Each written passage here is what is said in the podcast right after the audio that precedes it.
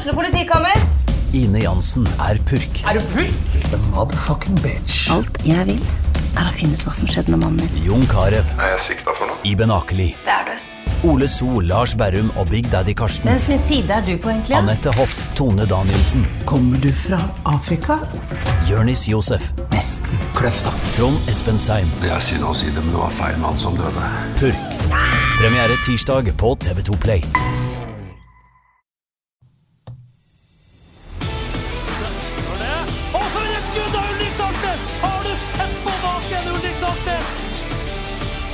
Så er det skåring, og så skårer Bodø-Glimt.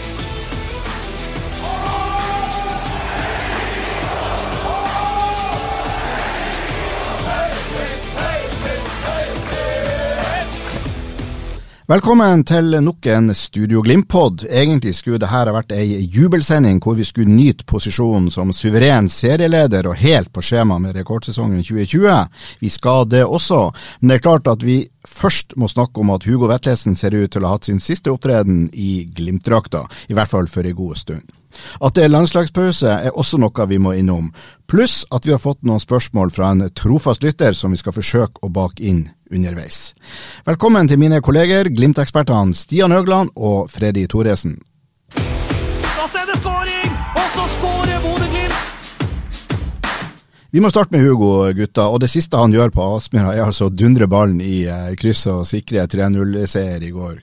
Ja, hva skal vi si om det her? Er, det, er, det, er vi 100% sikre på at, eh, at Hugo er ikke lenger Glimt-spiller? Nei. Ikke 100 Det er ikke Altså, jeg er 100% sikker på at han kommer til å havne i Klubb Brygge. Det er veldig mye som tegner på det. Men så er det en del spenningsmomenter, da. Når er det han skal dra til Brygge? De har jo ikke kamp med det aller første, så én ting er å gjennomføre en medisinsk test, og så er det å betale penger og legge penger på bordet, men når skal han slutte seg til sesongoppkjøringa i Brygge? Det gjenstår jo å se. Så det er Alt tyder på at han skal til Belgia. Eh, det har det jo tyda på ei stund. Uh, ryktene har gått lenge. Eh, Nå er han på medisinsk sjekk i dag. Det er det ingen tvil om. Men når han forlater Bodø, ja, det vil jeg ha svar på. Vet vi noe mer, Stian, sånn, om hva, det, hva vi snakker om nå i overgangssum? Nei, vi har jo, det, det, er selvfølgelig veldig mye om og men der, og mye rykter. Men det, etter det vi har klart å vi, vi, har jo noen vi, vi ringer og spør og maser om og graver litt og der er ca. 90 millioner. Eh, en vanvittig overgangssum. altså Glimt fikk vel eh, rundt 60 totalt for Botheim når ting ble som, sånn det, ble, ble, som ja. det ble der.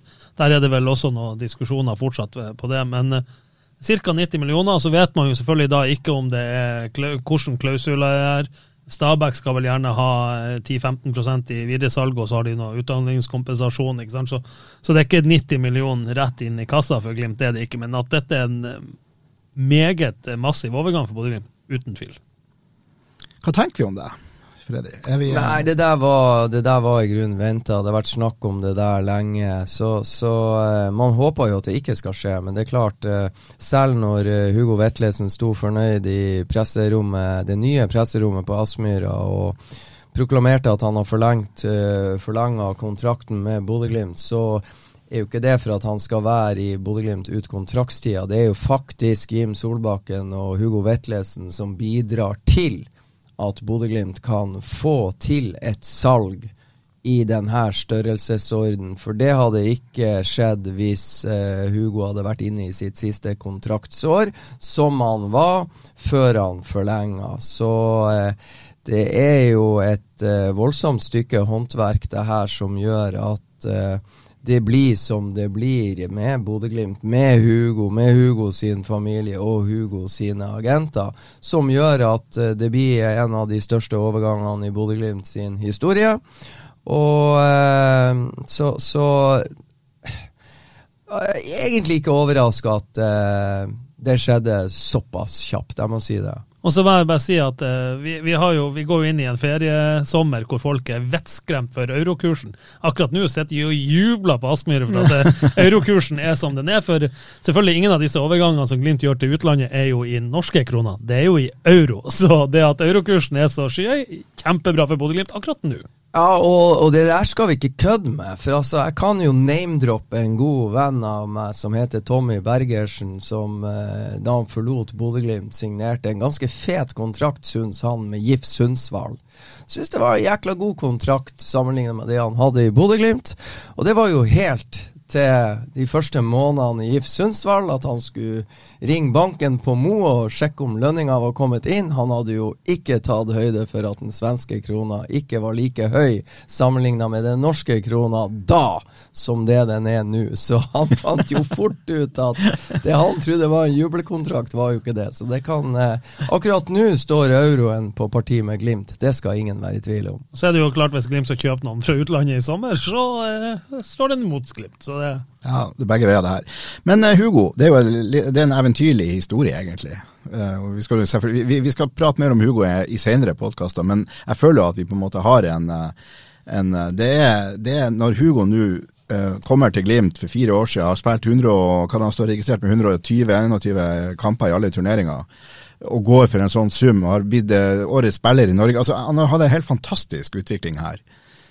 Ja, jeg tror kanskje Hugo er mest fornøyd. Han var ikke så fornøyd det første året, Stian, men jeg mener den, den dritten han sto i Han kom jo som superstjerne med nesten 100 seriekamper, om ikke 100 seriekamper fra Stabæk som 20-åring i, i Han 2020-sesongen. runda 100 seriekamper første høsten for Glimt, faktisk mot Start 1-1. Ikke sant? Eh, en av de med flest kamper i Eliteserien, eh, i sammenlignet med de han eh, spilte sammen med i Bodø-Glimt. Og eh, han måtte pent finne seg i å stille i køen bak eh, Sondre Brunstad Fet, som eh, hadde kommet på lån fra Ålesund, som egentlig ingen visste hvem var idet han kom. Alle visste hvem Hugo Vetlesen var.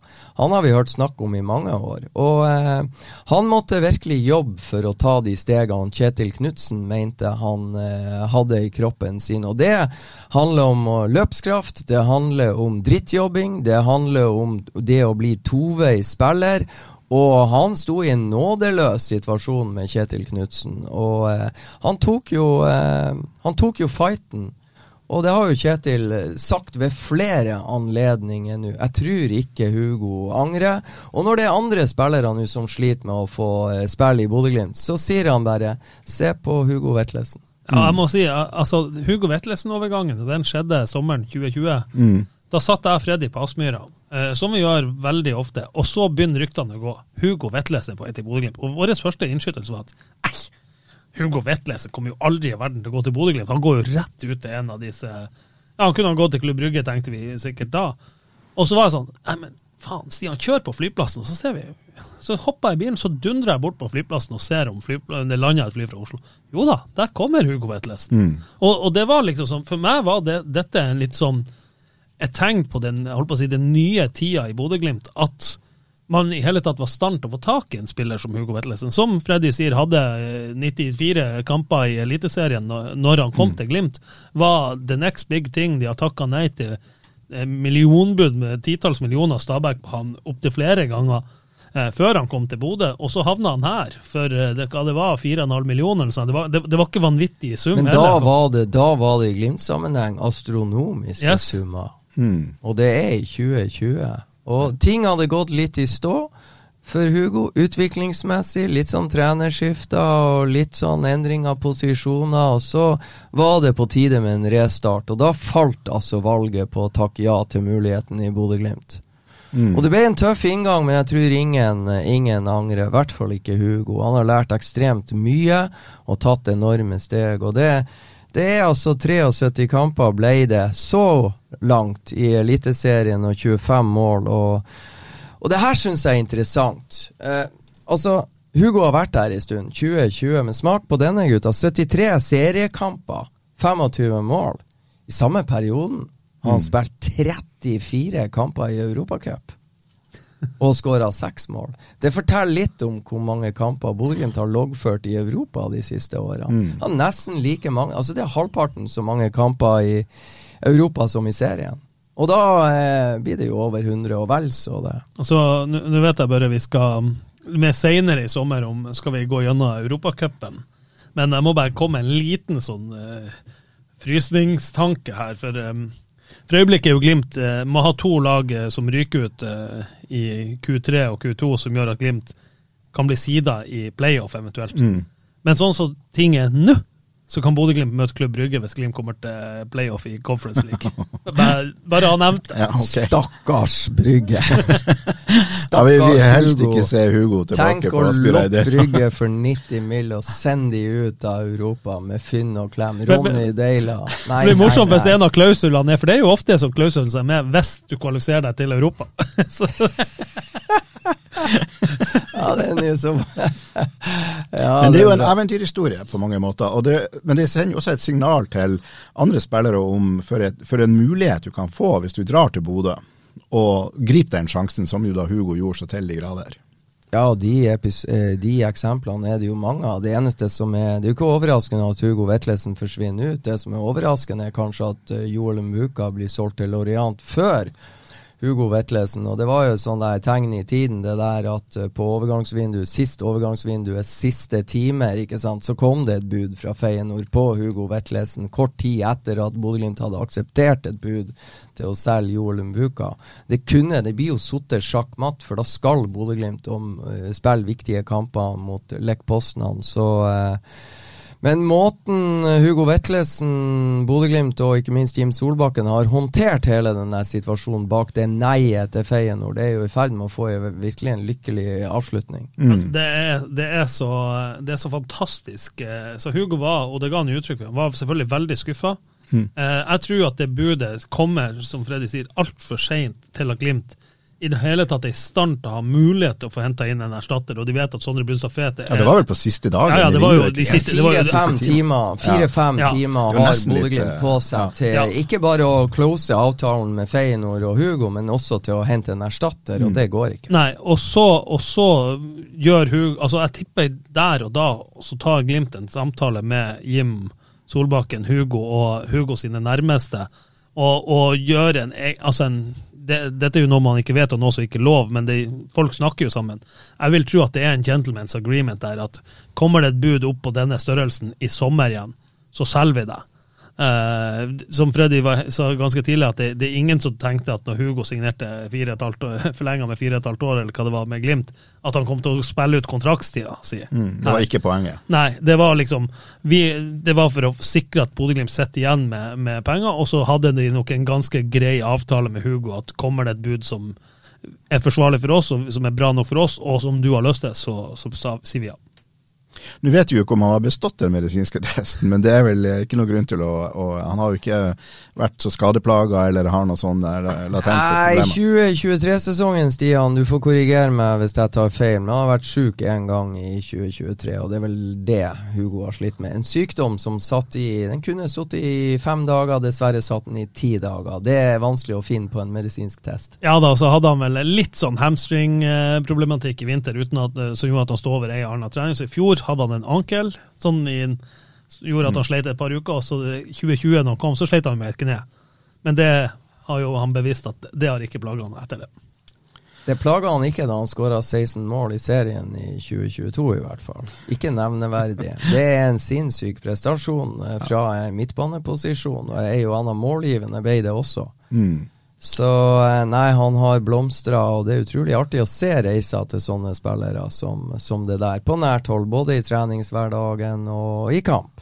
Hva vet vi om Brygge og måten de spiller fotball på? Er det, vil han få en tilsvarende posisjon der, eller eh, Ronny Deila er jo, er, jo, er jo sjefen der, og han er jo eh, en offensiv eh, trenertype. og ja, Blir ikke overraska hvis det går veldig mye i 4-3-3. Jeg har sett litt på Standard Liège, og har nå de gangene jeg har sett de med Ronny Deila, så har det vært eh, 4-3-3 og Aron Dønnum og Filip Sinkernagel på, på sidene der, så blir, det- blir overraska hvis Ronny Deila plutselig kjører en 3-5-2 eller en 5-4-1. Nei, så er det jo et trygt valg, da, eh, som eh, dere er inne på. Eh, Ronny Deila overtar, så han får en norsk trener. og, og eh, Og det er jo, men altså, Klubb Brygge er jo en av de største klubbene i Belgia. Det er to store klubber. Det er Klubb Brygge og det er Anderlecht. Og Tom Høgli har jeg prata med. Han har spilt i Klubb Brygge. Han skryter av byen, han skryter av klubben, og han skryter også av de har fornya treningsfasilitetene. Så det er, en, det er, en, veldig, veldig stor klubb. Og det beviser dem jo. De er jo blitt eh, tynt litt, de to store i Belgia de siste årene. Har lag som Royal Antwerpen, Genk Racing Genk, kan vi si, og Victor Boniface sin klubb Union Sant Gilois. Så, så, det er jo de tre faktisk som har vært best i Belgia de, siste, ja. de to siste sesongene i seriesammenheng. Så det er jo et klubb Ryggelag som vil ta tilbake hegemoniet i serien.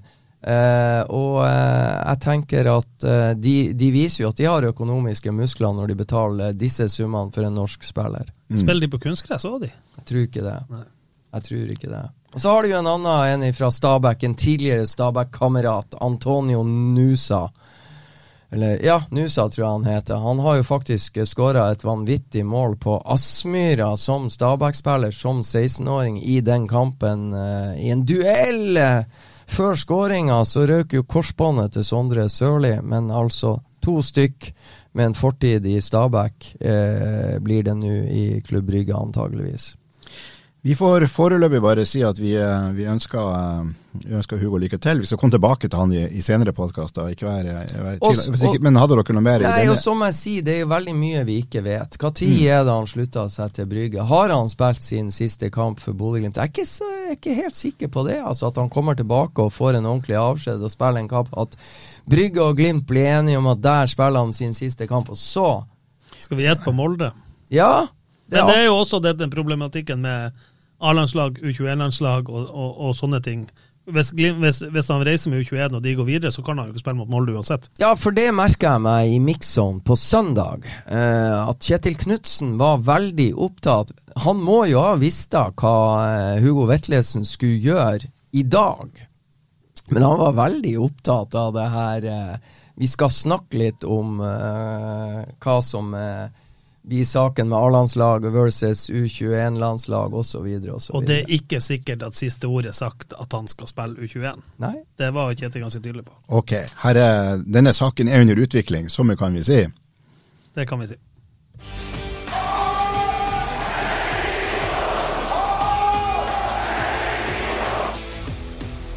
Så til det som skjedde på uh, Aspmyra i går. Bodø-Glimt HamKam 3-0. Og jeg har allerede nevnt eh, det siste målet der. Det var jo en fantastisk eh, skåring av Hugo Vetlesen. Men før det så var det jo eh, Pellegrino som skåra to. Og Tilfeldig valg av jingle der. Sånn Tilfeldig valg. Um, um, Amahl skåra to, men uh, det var jo en spesiell kamp. Altså HamKam uh, var jo strålende fornøyd etter å ha spilt i Hadde en sørøstkuling uh, rett i ansiktet i 45 minutter og, og et trøkk på seg av en annen verden. Men de holdt nullen. Jeg så de var jo rett og slett fornøyd da de gikk til pause. Ja, jeg hørte at uh, Jakob Mikkelsen, treneren, hadde vært oppe i sportsbaren før kampen og sagt at uh, vi er her for å ødelegge. Vi er her for å spille en ordentlig drittkamp. Vi, vi skal prøve å holde nullen så lenge vi klarer, og forhåpentligvis klare å rote inn et mål sjøl. Det var inngangen, og det, det vistes jo djevelsk tydelig. Det er jo så antifotball herfra til månen det HamKam holder på med, både hjemme og borte. Men, men det er jo vanskelig, vanskelig å kritisere dem for det. Altså, nei, jeg syns ikke det er vanskelig i det hele tatt uh, å, å, å, kritisere det. Og, altså Altså, å, å, komme og legge seg i 6-4-0 og satse på å dunke en ball, at det skal bli en dødball uh, Nei, jeg syns ikke det De spilte seg jo faktisk til et par ganske store sjanser. De spilte seg ikke, de, spilte, de slo frispark jo, jo, jo. til, til sjanser. Ja, men de hadde, de hadde muligheter, på 0-0. Ja, ja, da, ja. og ære være for at de klarte å dunke en frispark fra midtbanen inn, inn i 16-meteren. Det, det, det, skal de få for. Men jeg, jeg syns HamKam spiller søppelfotball, rett og slett. Og det er deilig å se at man Glimt klare For det, vi snakka om det oppe i bua der vi satt, at uh, Glimt bearbeider. De kommer ut med ganske bra tempo. Og så, og så, faller det utover i første gang, men de klarer å få flytta på HamKam. Du ser de begynner å bli litt sliten. De kommer mm. litt senere, litt senere. Og utover i andre gangen, rett før de skårer 1-0, så har de jo hatt en kjempesjansen til å pelle seg til tverrligger. Men det er jo også sånn at da sprekker de jo opp, for at de klarer ikke å flytte beina fort nok.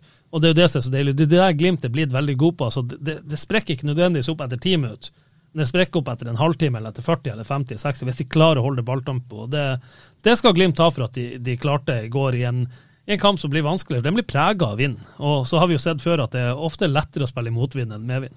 Men hvis du har vært manager for et lag som uh, ja, desperat behov for poeng, og dere skal møte den suverene serielederen på bortebane, uh, hadde ikke du også gått for å prøvd å Det eneste sjansen du har, er rett og slett å prøve å ødelegge for, for Men de gjør jo akkurat det samme hjemme mot hvem som helst, nesten. Altså, De har angrepet Sandefjord, men de, de gjør jo samme drittkampen mot Lillestrøm. Så du mener HamKam sånn på generell basis? Yes, ja, ja, ja, yes. Ikke bare, ikke bare på Aspmyra? Nei, nei, nei, generelt. Altså, de, de, det er tydeligvis at det er det de står for, at de skal spille drittfotball og, og satse på ei skåring eller to.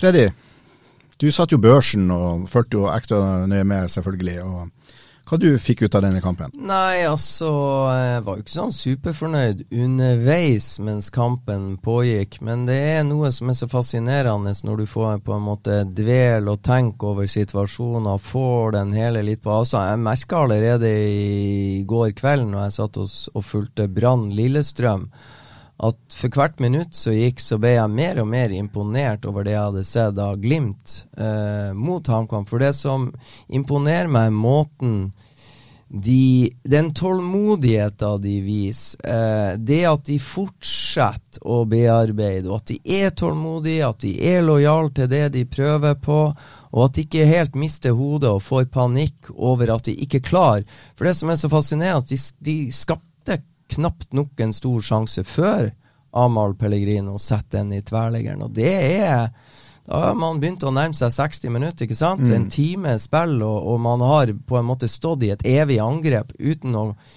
knapt få et skudd, ikke sant? Mm. Litt sånn små situasjoner ble det, men ingen store egentlig. Den største var faktisk Vegard Kongsrud på det frisparket, og jeg er enig. Jeg, eh, det, det, skyldes ikke at han kan spille seg ikke til det. det. det. er på en måte en, en konsekvens av at Bodø-Glimt står 30 meter og ruller ballen fra 30 meter fra HamKam sin keeper med hele laget. Det blir litt bakrom, og en og annen overgangsmulighet blir det. Og så det å pælme langt, så kan alt skje.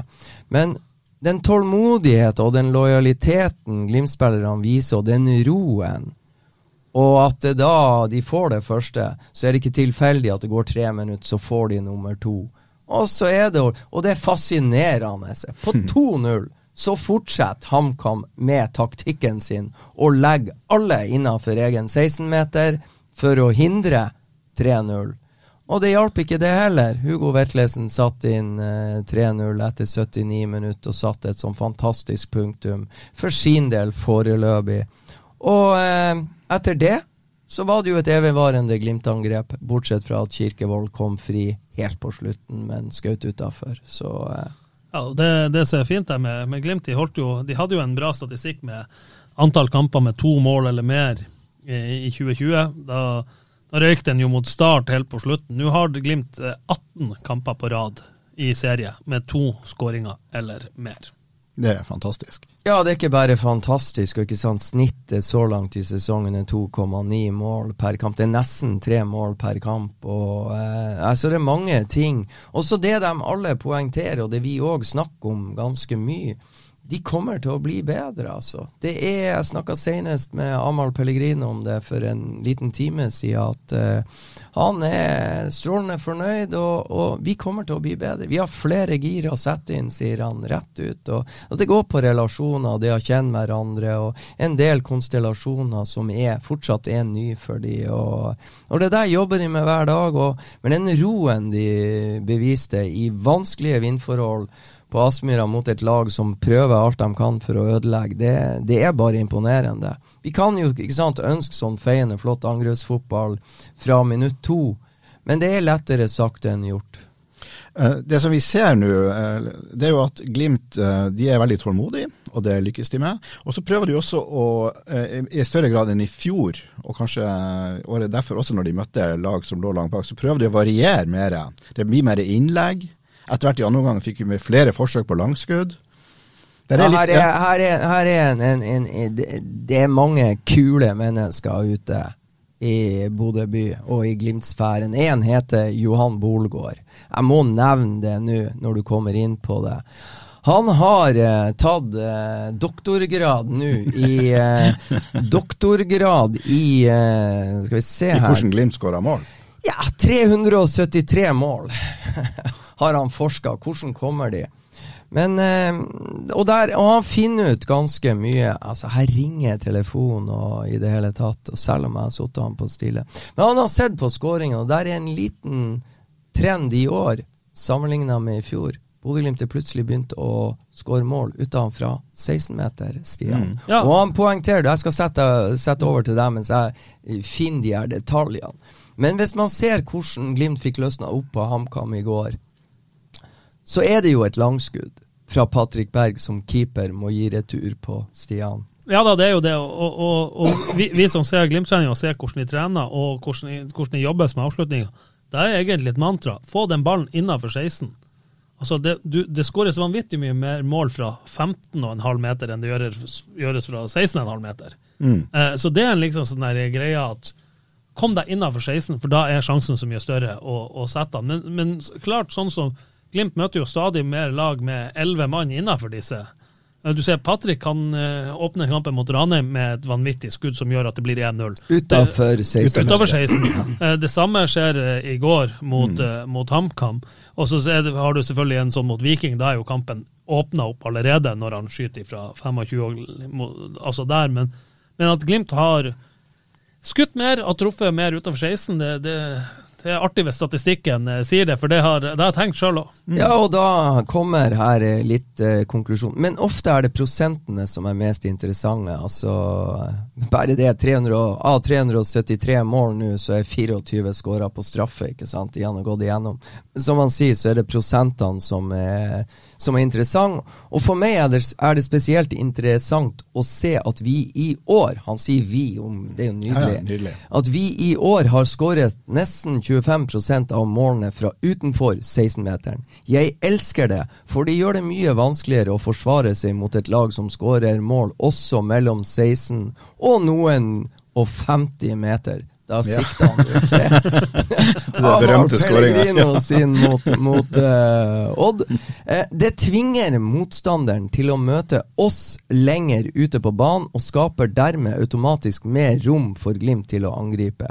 I 2021 kom bare litt over 3% av målene fra langskudd, og da kunne motstanderne ligge på 16-meteren og forsvare seg uten å frykte skåringer fra langt hold. Og vi skåret bare 59 mål den sesongen, ikke sant? Og så har han Jeg er helt hellig overbevist om at hvis vi hadde ladet kanonen litt oftere utenfor 16-meteren, så hadde vi skåret enda flere mål den sesongen enn de ekstra skåringene langskuddene hadde gitt. Interessant. Veldig interessant. Og så eh, I fjor firedoblet vi antall skåringer på eh, langskudd, ikke sant? Fra to til åtte. Og i år er det altså øka til 25% av de målene Glimt har skåra. Ja, det er. Men vi har snakka om det før, og vi hadde jo noen sånne superhelter som har mye mer peiling på fotball enn oss to, Stian. Joakim Kildahl og Trond Sjølberg. Trenerguruene. Som, som på en måte har snakka litt om å få lokka Forsvaret ut av sekken med å true med et og annet skudd fra distanse, ikke sant? Istedenfor å rygge inn til egen keeper. Du blir aldri hørt meg klage på noen som skyter fra langt hold. Nei. Men vi skal ha Det er mye snacks å finne i forskningsrapporten bra. til Johan Bolgaard. Og jeg syns det er så deilig eh, at folk sitter hjemme og, og, og og, ser sånn, på de her tingene. En annen ting som jeg skal nevne for dere.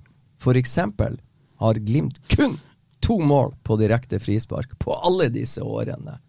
Uh, og begge kom i 2020-sesongen. To mål på direkte frispark. Så kom det ett da, Stian. Ja, Patrick. Berg hadde, hadde vel ett mot Molde i 2020, Ja. Blant annet. Mm. Der tar du det. Siste jeg så, var Elias Hagen eh, på stillinga 3-4-0 i cupen mot Harstad i fjor. Men vi må tilbake til kampen og børsen. Hvem var best i eh, Ja, ta nå det der. Det var jo en litt artig børs, Stian, som kom i går. Ja. Kan ikke du forklare litt? For det er jo visse ting jeg som skrev børsen, ikke helt forstår. Nei da, altså, alle som kjenner Freddy Thoresen, vet jo at dette er Avisa Nordlands eh, tekniske guru. Ja. Eh, så Freddy skulle få Noen kaller han tekniske misfoster. ja.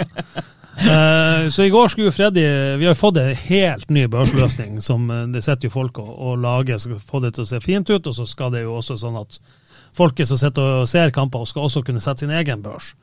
Og dette var vel første gang Freddy Thoresen ble jaga inn i dette nye systemet som kom for et par-tre uker siden. Eh, Så eh, om det var en brukerfeil, eller om det var en, den nye børsfeilen, det skal jeg ha usagt. Men eh, jeg la merke til at i starten så hadde stort sett alle spillerne fem, og det er jo der de starter. Og så fikk jeg en melding fra, fra en eh, Glimt-supporter, og så, sier han du, unnskyld at jeg spør, men bruker dere ofte å få mye pass for de børsen deres? Så sier jeg jo da, det, det skjer jo at det kom, kommer ei og anna melding, spesielt sånn som i dag når, eh, når eh, det er feil versjon som kommer ut. For jeg og Freddy diskuterte jo børsen før vi gikk i mix-zone, og så kom det jo en melding fra en på jobb her, skal virkelig Pelle bare ha fem? Og jeg tenkte å, oh, her, er- her er det skjedd noe. Og da gikk vi inn, og så fikk vi justert eh, børsen før vi dro fra Aspmyra. Så den ble rett etter hvert. ja, han ble, om rett ble han garantert ikke, men han ble rettere i hvert fall. At vi fikk justert eh, en del spillere opp fra fem som de, der de skulle være. Nei, Det er jo noe med at du, du, du setter en eh, karakter, og jeg lagra jo faktisk i pausen. Jeg laga en pausebørs, og de lagringene var, men når vi da overfører det og tar den ut fra det systemet jeg skriver til det systemet, og overfører til avissystemet og vårt eget nett, så har det jo skjedd noe. For det var, det var faktisk mye som ikke stemte i forhold til Men det var jo lagra på et tidspunkt der jeg satt og så. Men for å forholde oss til den børsen sånn som den du faktisk ble, da. Ja. Hvem var best? Ah, Hvem var best? Altså, jeg velger jo å, Altså, Amahl Pellegrino gjorde ingen god kamp. Nei. Men jeg syns jeg. Eh, hadde ikke Det var ikke arbeidsforhold eh, som favoriserer Amahl sine kvaliteter og, og evner, for der var det jo to av HamKam var jo veldig klar over at Amahl Pellegrino har skåra fire mål på rad mot de. Så der var det jo én og to spillere rundt han hver gang de, han fikk ballen. Men når han da og Glimt står og stanger, så er det selvfølgelig Amahl Pellegrino som skårer 1-0, og det er selvfølgelig Amahl Pellegrino som skårer 2-0. Da alene så spretter han opp, og han havna vel på en sjuer. Han kunne godt ha fått åtte, det hadde ikke vært noe å si på det. Nei. Så eh, det blir på en måte matchavgjørende. Så syns jeg at eh, Marius Lode gjorde en av sine Er ikke, det, det- er ikke det den beste kampen hans siden han kom tilbake? om? Den og Vålerenga sist helg. Jeg syns Marius Lode har vært god i de to siste. Ja. Ja, det er- han virka så sharp og, Det er liksom påskrudd. noe med Når Glimt står så høyt som de gjør, så er det noe med å ha den der dristigheten til å være Det å stå og bryte 10-15 meter inn på motstanders halvdel, vel vitende om at eh, jeg har kanskje bare ei sikring bak meg. Og det å, Den konsentrasjonen og det å lese klimaet så bra som han gjorde i denne kampen, mye bedre enn han gjorde i de situasjonene mot Rosenborg som ble litt komplisert, som oppsto, som gjorde at han til slutt pådro seg to gule på kort tid. Så måten ikke sant, Også frist i minne, den eh, opplevelsen mot Rosenborg. Så fokus og den skjerpa, skjerpaheten han hadde i, i det, det, er, det er mer tricky enn vi er klar over, tror jeg. Og der løste han ganske mange kinkige situasjoner veldig bra. Ja, og så, og så hørte jeg Kjetil i pauseintervjuet var litt sånn, ville at stopperne skulle utfordre litt mer før de slapp. Og det syns jeg Marius gjør veldig bra i andre omgang. Også Odin. Mye bedre i andre omgang på, på å dra på seg et press, og så slippe, istedenfor bare å slippe han. Selvfølgelig skulle du slippe tidlig hvis rommet er der og alt det der, men når, de ligger, når de er helt nede i ramma, så få på deg et press, så slipper han. Da må Ja, de sprenge. Og stol på deg sjøl, og gjør det. For da blir det mer plass og rom til vedkommende du slipper til, så de kan, som kan angripes direkte. Så eh, jeg, jeg kan levende forestille meg at en kamp nesten totalt uten å spille forsvarsspill, så, så er det mange ting å huske på og tenke på. Så det var veldig artig å se. Så det er jo en, en spiller til jeg vil trekke frem som er i kjempeform. Nå syns jeg ikke han hadde en, eh, en enormt god førsteomgang i går, men eh, Patrick Berg, altså Snakk om gjenvinning høyt i banen. Ja.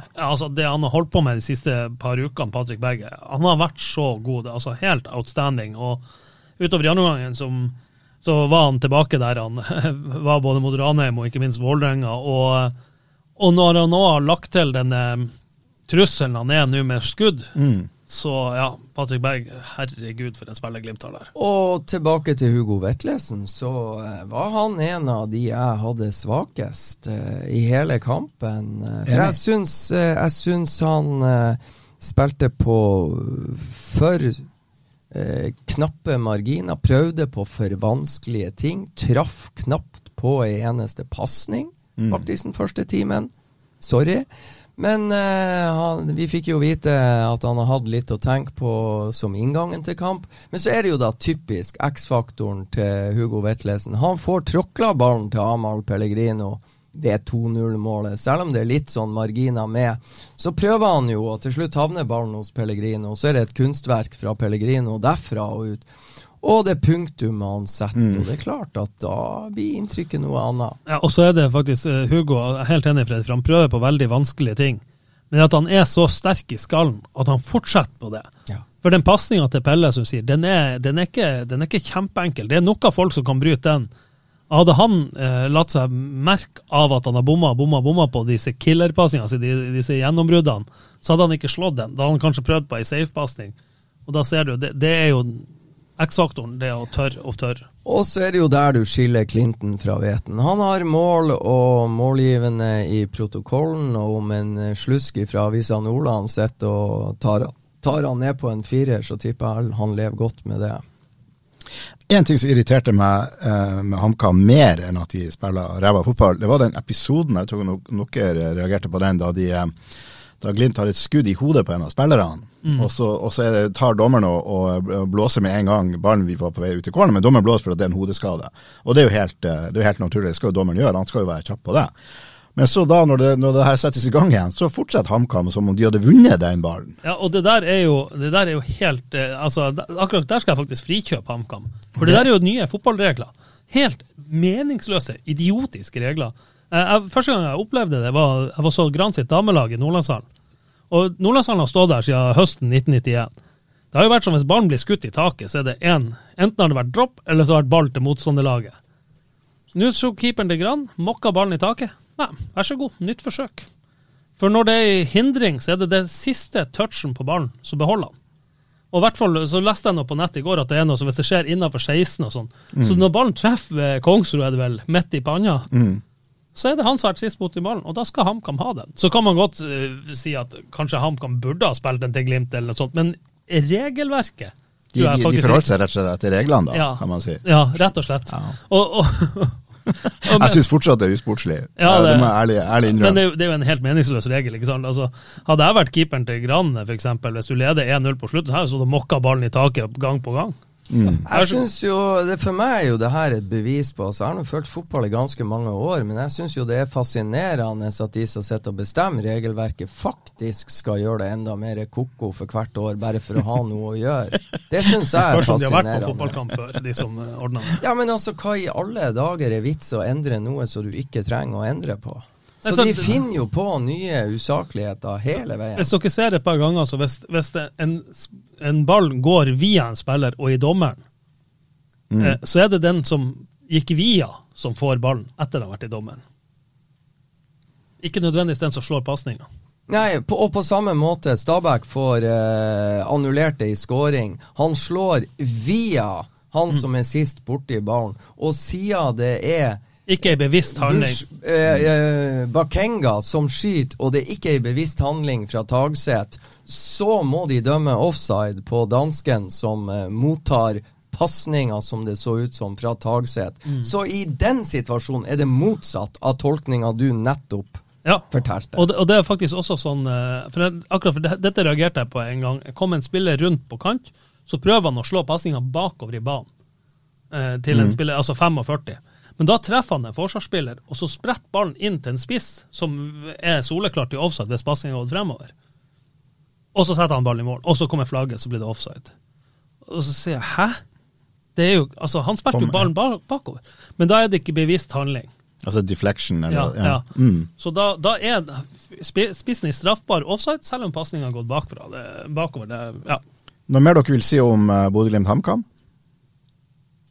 Nei. Da så er det skåring! Og så skårer Bodø-Glimt! Så ser vi litt på runden, og det var jo slett ikke så verst den heller, eh, sett med, med Bodø-Glimt i øynene. Kan du starte med kampen Odd-Molde 1-0? Ja, altså det er jo altså det, det virker jo ikke som noen lag har lyst til å følge Glimt på tabelltopp, men eh, altså hadde jeg vært Molde-supporter, noe jeg heldigvis er veldig langt unna å være, så tror jeg jeg har vært ekstremt eh, frustrert. Jeg så igjen, altså Molde har jo fått dårlig betalt i forhold til dette XG som man snakker om hele tida. Og jeg så i går så hadde Molde 2,8 XG. Det tror jeg faktisk er høyere enn Glimt hadde i går.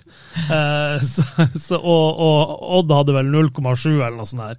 Eh, og da vet man helt et straffespark som jo er det, nesten den største målsjansen du kan få, det er sånn 0,83 eller 0,85 på en XG. Så, så ja, jeg, jeg skjønner at Molde må føle seg ekstremt føle at de har fått ekstremt dårlig betalt så langt i sesongen, men eh, herregud så artig det er at de er 15 poeng bak Glimt. Ja, Det er utrolig merkelig å se. altså.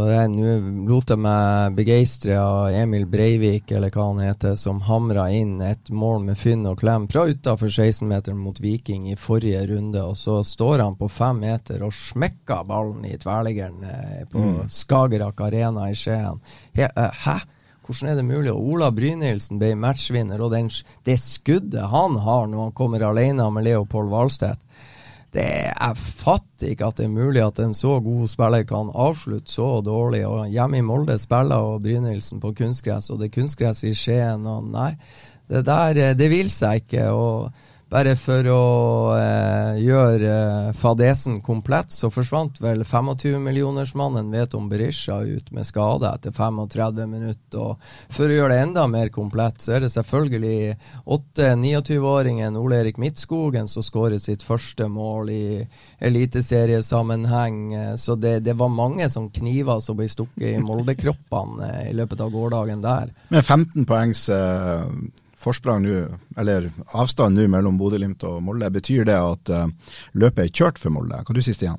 Eh, ja, det, det, skal jo, altså, det skal jo noe, et lass med bananskall til. For, altså, hvis Glimt taper begge kamper mot Molde, så, så er det fortsatt ni poeng mellom de, så um, Det er ikke det at ikke Glimt kan avgi 15 poeng resten av sesongen. Det kan de selvfølgelig, men uh, det vil si at Molde skal vinne alt. Uh, og det tror jeg ikke de gjør. Mm.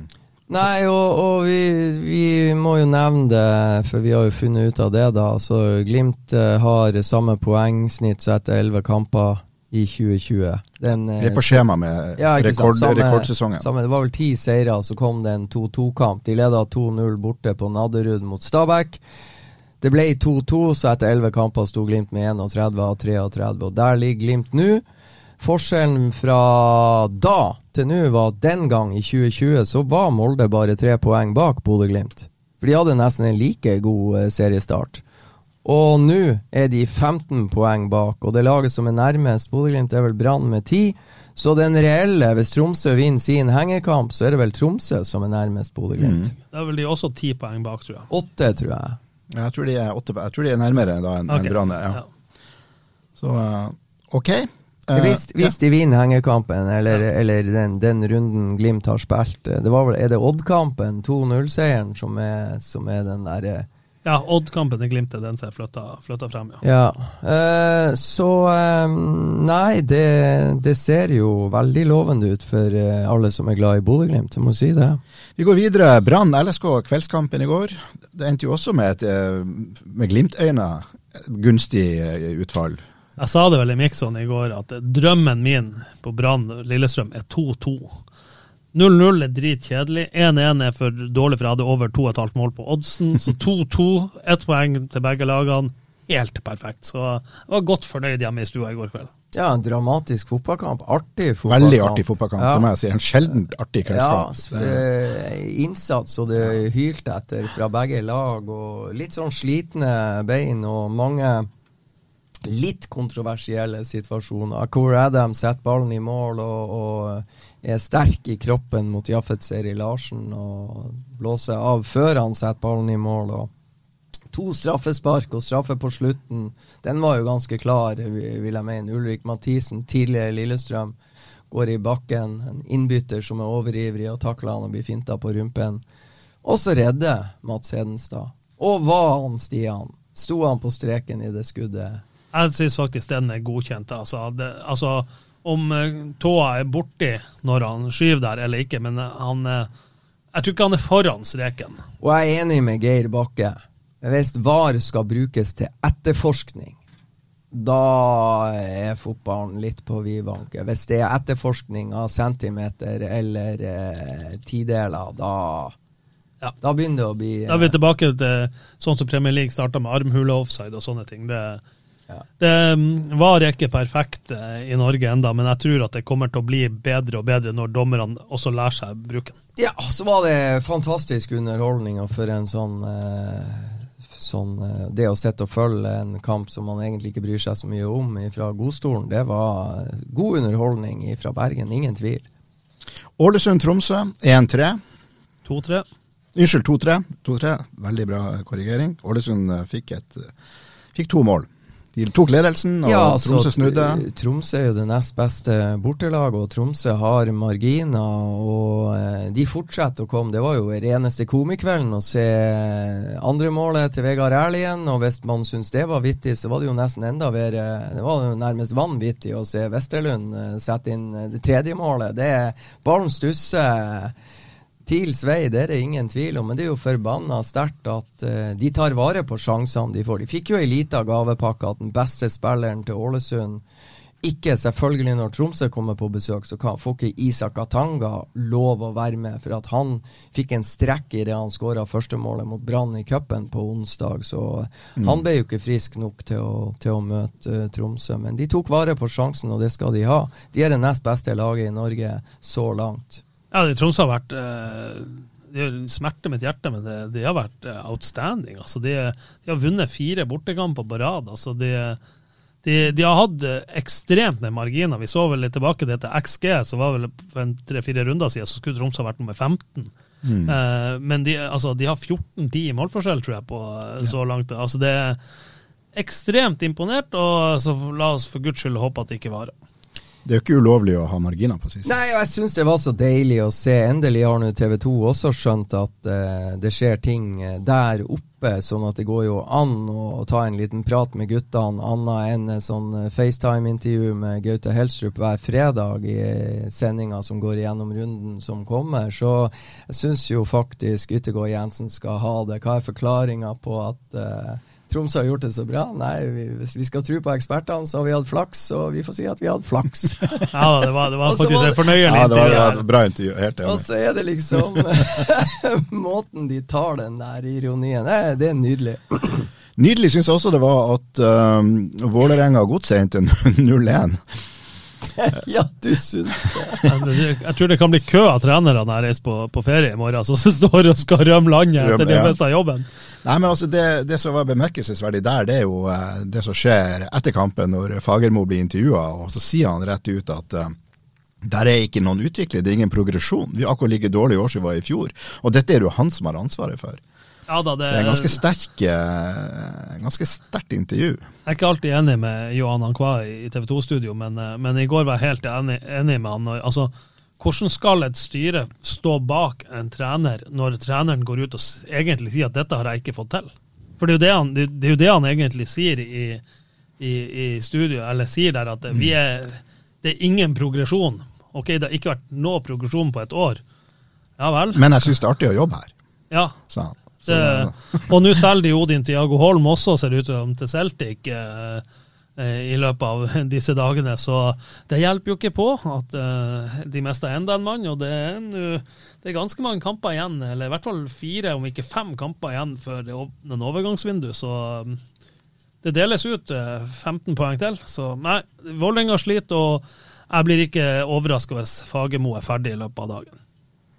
Nei, og det, det, det er fascinerende. Jeg må si at uh, jeg så Vålerenga mot Lillestrøm, og de spilte jo ball i hatt med Lillestrøm hjemme på Intility uh, helt til litt sånn eh, ho hodeløs utvisning. At de pådro seg ei veldig unødvendig utvisning. Og det at, det at de er i stand til å tape 1-0 på hjemmebane eh, mot et Strømsgodselag som også har slitt eh, frem til nå, det, det overrasker meg. Og Vålerenga har vært på Lerkendal og vunnet.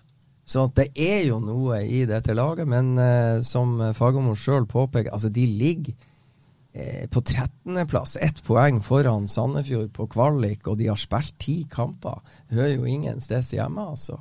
Utviklinga har stoppa opp, og det er fascinerende å følge. Stabæk-Rosenborg, også 2-2-kamp. Masse situasjoner. Nå så jo matta på, eh, på Nadderud ganske bra ut for en gangs skyld, eller for første gang i år. Men, og den ble jo ikke nevnt som noen sånn unnskyldning eller forklaring på noen verdens ting av det som skjedde. Nei, det er, jo, det er jo en drømmestart av Stabæk, og det er en unggutt som Kostadino, eller Kolian Kostadino, eller hva i alle dager han heter, som kommer opp på, som venstre indreløperposisjon og hamrer ballen med fynn og klem opp i krysset. Og i børsen til Nidaros står det at hvis André Hansen hadde vært født og oppvokst i krysset, så hadde han fortsatt ikke redda.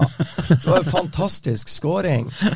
Og poetisk beskrevet i børsen, det må, jo, må jo sies. Eh, og så er det et godt angrep, og så dukker Mushaga Bakenga opp, selvfølgelig tidligere Rosenborg-helten, og, og stanger inn 2-0. Så at Rosenborg faktisk klarer å slå tilbake og ta med seg 2-2, det, det må jeg gi Rekdal litt.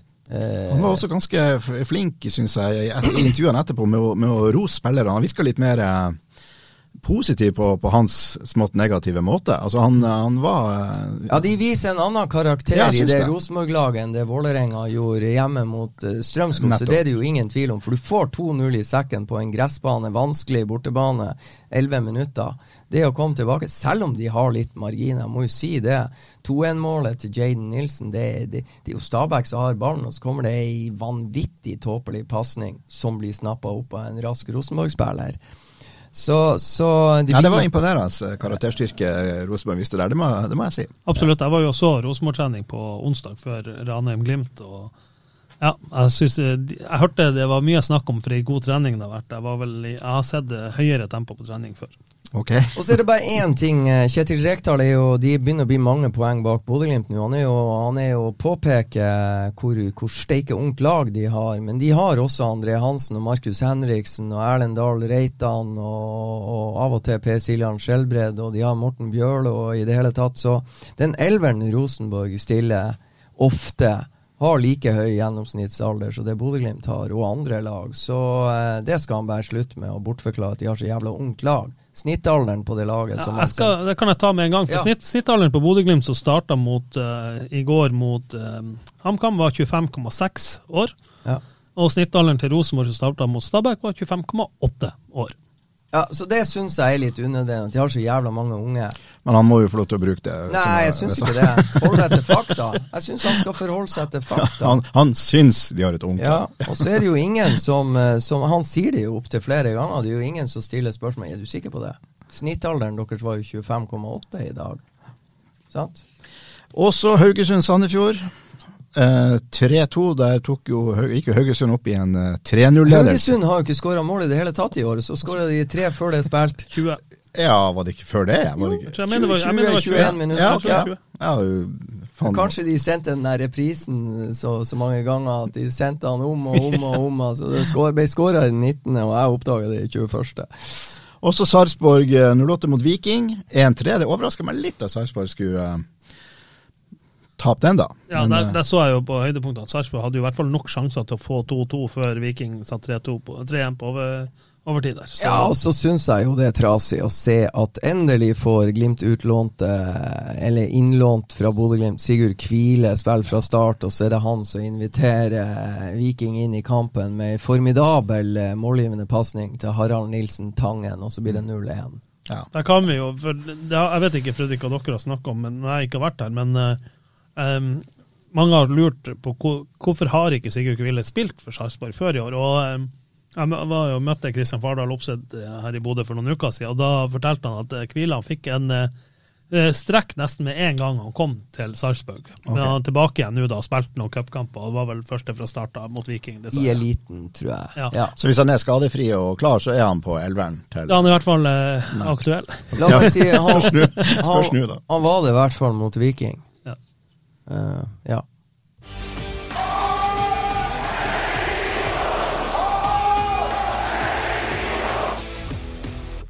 Det er noe så kjedelig som landskamppause. Nei, noen syns jo det er helt fantastisk, og følger jo det norske landslaget med, med stor entusiasme. Men uh, det blir i hvert fall en god stund til vi, eh, vi får uh, klubbfotball igjen. Og eh, et spørsmål her i denne landskapspausen, som jo da blir ferie også for Pellegrino. Har Pellegrino grunn til å være misfornøyd med at eh, Solbakken ikke har tatt ham ut? Jeg har vel sagt eh, før at eh, hvis Norge skulle ha spilt mot Spania, så er jeg ikke så sikker på om jeg ville tatt ut Ame Al Pellegrino. Men Norge skal spille to kamper de er nødt til å vinne. To kamper de på, på Ullevål, begge to. To kamper de med ganske stor sannsynlighet kommer til å trykke motstanderen ganske lavt i banen. Hadde jeg vært landslagstrener og trengt en fyr å sette inn i, i siste kvarteret på jakt etter ei skåring, da hadde jeg tatt med Amal Pellegrino. For uh, er det noe som er sikkert, hvis ballen ramler ned i feltet, så står han der og setter han i mål. Nå snakka du med, med, med, Pelle i går, vi skal høre litt på det intervjuet. Har du eh, fått noen reaksjoner på Vi har i hvert fall sett mye reaksjoner i, på nett eh, om at du ikke ble tatt ut på det norske landslaget. Har du hørt noe? Jeg har hørt noe fra alle andre enn de jeg hadde lyst til å høre noe fra. Men selvfølgelig, det har vært faktisk veldig rørende å se alle meldingene jeg har fått. Jeg har fått utrolig mange meninger fra trenere og spillere på A-landslaget og ja, samtlige supportere i hele Fotball-Norge, føler jeg. Og det setter jeg uendelig stor pris på. Og det i seg selv viser at jeg har gjort noe riktig i år. Og jeg føler at uh, jeg har vært en stor bidragsyter i, i Eliteserien 2023. Er du litt skuffa at du ikke ble tatt ut på norske? Nei, Det nytter ikke å være skuffa, selvfølgelig. Man eh, er nødt til å svelge noen kameler eh, i livet. Og, men eh, hvis det skulle gått inn på meg, så hadde jeg aldri spilt eh, fotball i Eliteserien eh, nå. Fordi det har vært mange kameler å svelge opp gjennom denne karrieren her. Og for meg så på en måte bare beviser at jeg er nødt til å jobbe mye hardere enn alle andre. Du, du, sier at eh, du har fått masse meldinger både fra spillere som er på A-landslaget og, og ellers i Jeg regner med det er ikke Patrick Berg og Hugo Vetlesen som har sendt melding da? Nei, det, men uh, jeg har gode lagkamerater her også, så men det er ikke de jeg sikter til. De snakker jeg til daglig, og det er jo lagkameratene mine. Så. Men jeg unner gutta at de skal på oppdrag igjen, og så er det vanvittig gøy med at Bris også får sin første samling.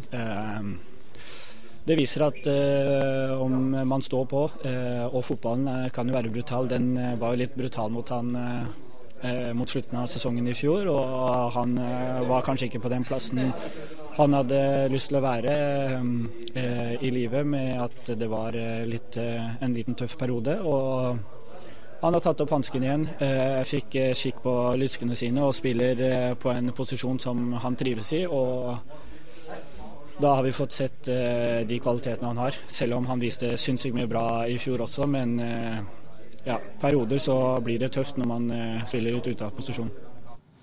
Han høres skuffa ut, selv om han prøver å være, være tapper og, og, si at han ikke er det. Ja, da vil du tro at han er litt skuffa. Det, det er han nok. Og Har han grunn til det, syns du det? Ja, altså, faktisk, når jeg får sett litt, eh, og det har jeg fått på de situasjonene i går mot HamKam eh, Hvis man følger med på, på den sjansen han setter i tverrliggeren, eh, i det innlegget kommer, og de bevegelsene Amahl Pellegrino tar i boks, ikke sant, Faris Pemi head tilbake, og den posisjoneringsevnen til Amahl Pellegrino der som gjør at han får styrt ballen i tverrliggeren, det er det ene. Og, og måten han Timinga hans i det han starter eh, parallelt med skuddavløsninga til, til, Patrick Berg, altså den timinga Pellegrino gjør eh, for å være først på returen fra keeper, og, og ikke minst det instinktive fotballinstinktet han, han viser når han setter 2-0 så har Amahl Pellegrino en del sånne X-faktor-egenskaper inne i boks. Jeg er helt, faktisk helt enig med, med Stian Høgland. Hvis du, for jeg tror ikke Jeg har ikke et vondt ord å si om Bård Finne. Han har vært fantastisk god, eh, ikke minst i cupfinalen og, og, eh, så langt i sesongen eh, for Brann. Og på et helt annet nivå enn han var i fjor. Men Amahl Pellegrino har bevist de her eh, egenskapene, ikke minst for KBK.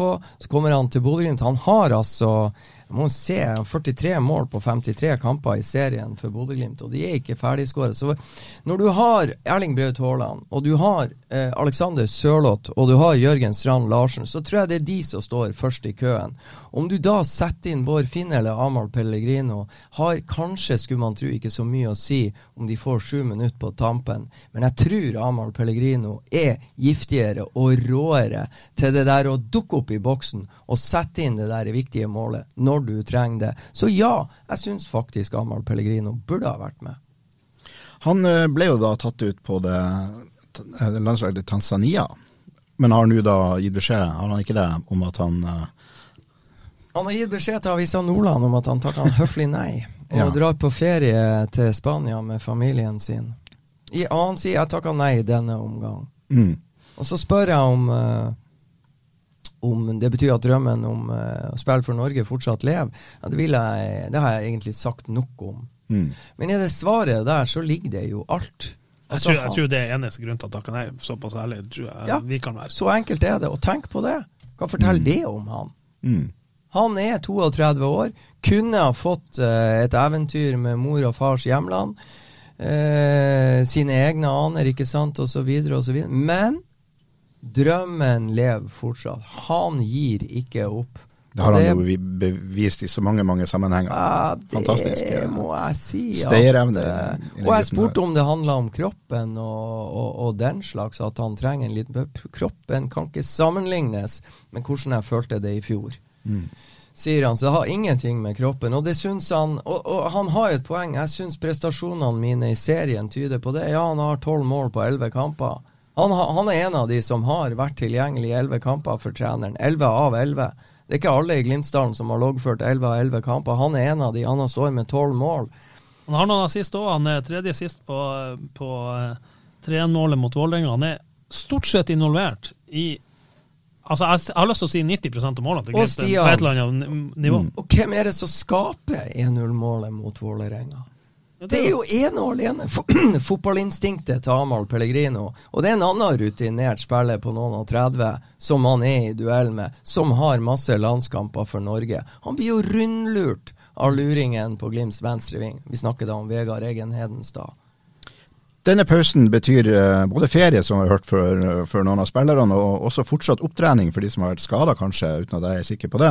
Men eh, et spørsmål her er jo, kan Ulrik Saltnes sitt navn komme i en kamptropp nær oss? Altså Jeg tenker da på de tre neste kampene. Det er Godset, Tromsø eller Molde. De, det er de tre neste kampene. Er det spørsmål fra en Jeg holdt på å si en seer, men Nei, jeg har det var først, det, akkurat det der var spørsmål fra en programleder. Programleder, ja. Jeg var så heldig å ha en liten prat med Ulrik Saltnes, litt overraskende, på Aspmyra på lørdag når Bodø-Glimt trente. Og det må jeg bare si. Jeg fikk litt sånn Jeg skulle ha hentet meg en kopp kaffe. Gå, gikk inn i sone jeg ikke har lov til. Så skvatt jeg, der satt plutselig Ulrik Saltnes, og så spurte jeg høflig om jeg kunne gå til Hilde og få en kopp kaffe. Ja, vær så god. Da fikk jeg se han litt på nært hold. Han ser ut som et beist. Han så ut som han er to meter og ti og har muskler på de rette plassene. Han så rask ut da han satt og spiste. Men uh, Ulrik da på, uh, var da på vei uh, med familien sin til en liten ferietur, også i Spania. Og, og han stråla. Han gløda. Han, Og det var ikke for han skulle på ferie. Nei, for han var litt sånn Han, var litt, han har vært skeptisk veldig veldig lenge til det der å reise på ferie, for han vil egentlig være på Aspmyra og trene. Han har da vært igjennom fire operasjoner på de syv siste månedene. Eh, og han eh, har møtt litt eh, på en måte problemer på veien der. Men, og han har trent tre ganger om dagen.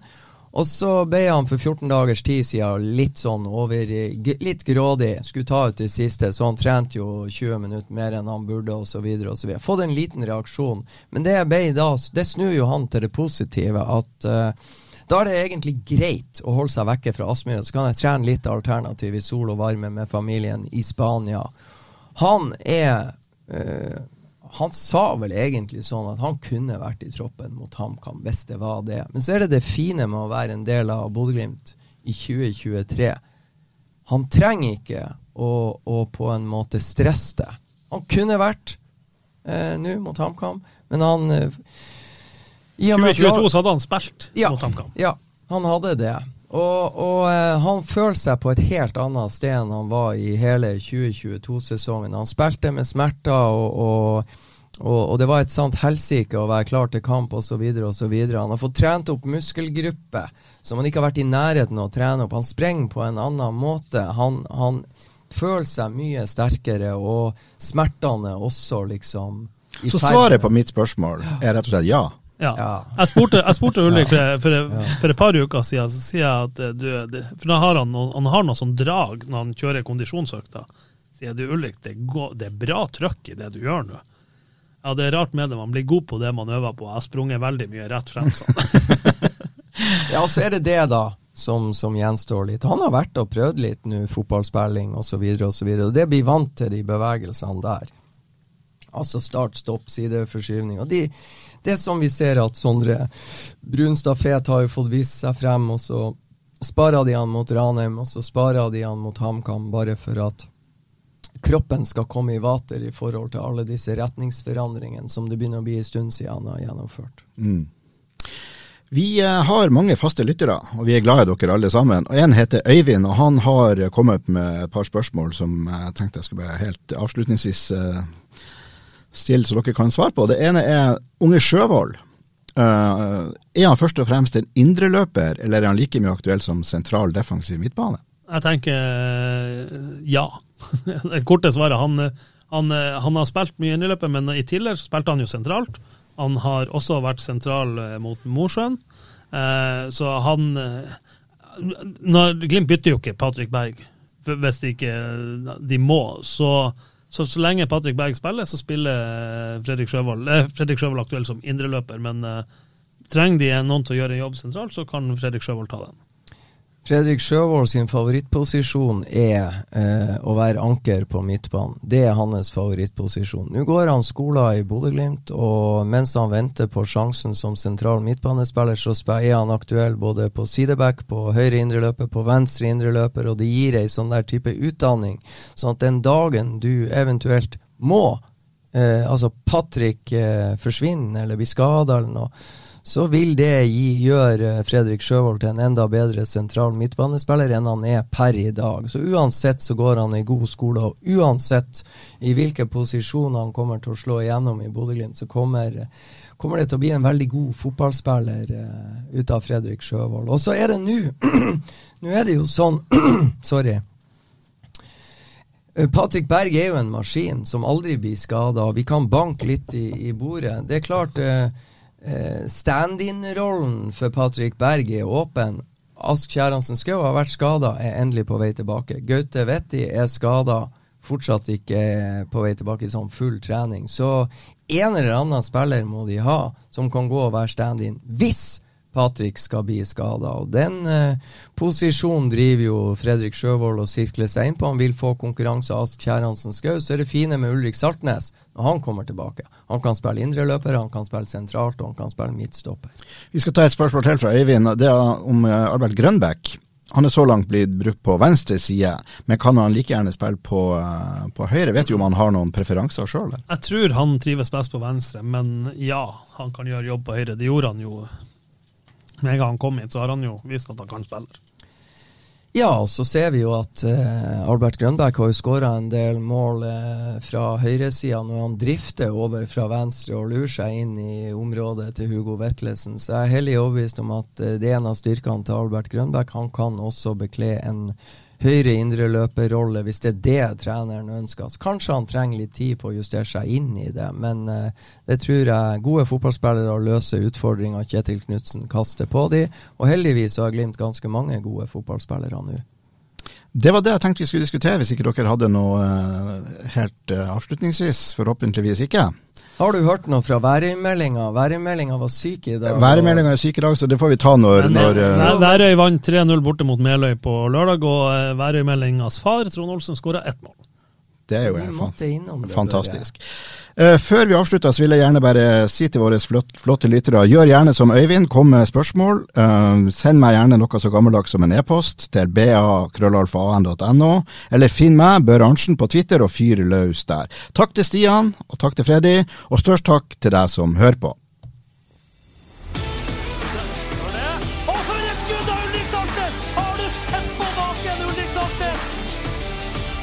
Så er det skåring, og så skårer Bodø-Glimt.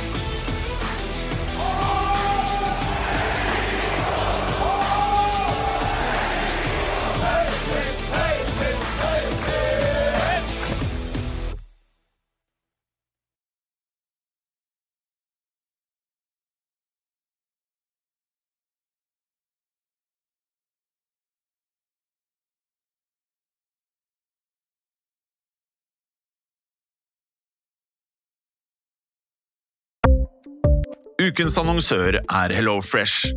HelloFresh er verdens ledende matkasseleverandør og kan være redningen i en travel hverdag. Mange av oss har nok vandret i butikken både sultne og uten en plan for middagen, som ender med at vi går for de samme kjedelige rettene gang på gang. Middag burde være dagens høydepunkt. Som Hello Fresh kan du nå velge mellom 25 ulike retter hver eneste uke, eller få Hello Fresh til å sette sammen menyen for deg. Dette gir deg muligheten til å prøve nye og spennende retter alene eller sammen med familien. Du velger antall porsjoner og får alt levert på døren på et tidspunkt som passer for deg. Oppskriftene er enkle, og maten er lett å lage både for store og for små. Ved å få alt levert hjem får du også mer tid til å dele matgleden med familie og venner. Kanskje det frister med asiatiske tacos eller greskinspirert kylling? Da kan jeg anbefale deg om å gå inn på hellofresh.no. Her kan du bruke koden FOTBALL og få opptil 1779 kroner i rabatt på de første fem matkastene hvis du ikke har prøvd Hello Fresh tidligere.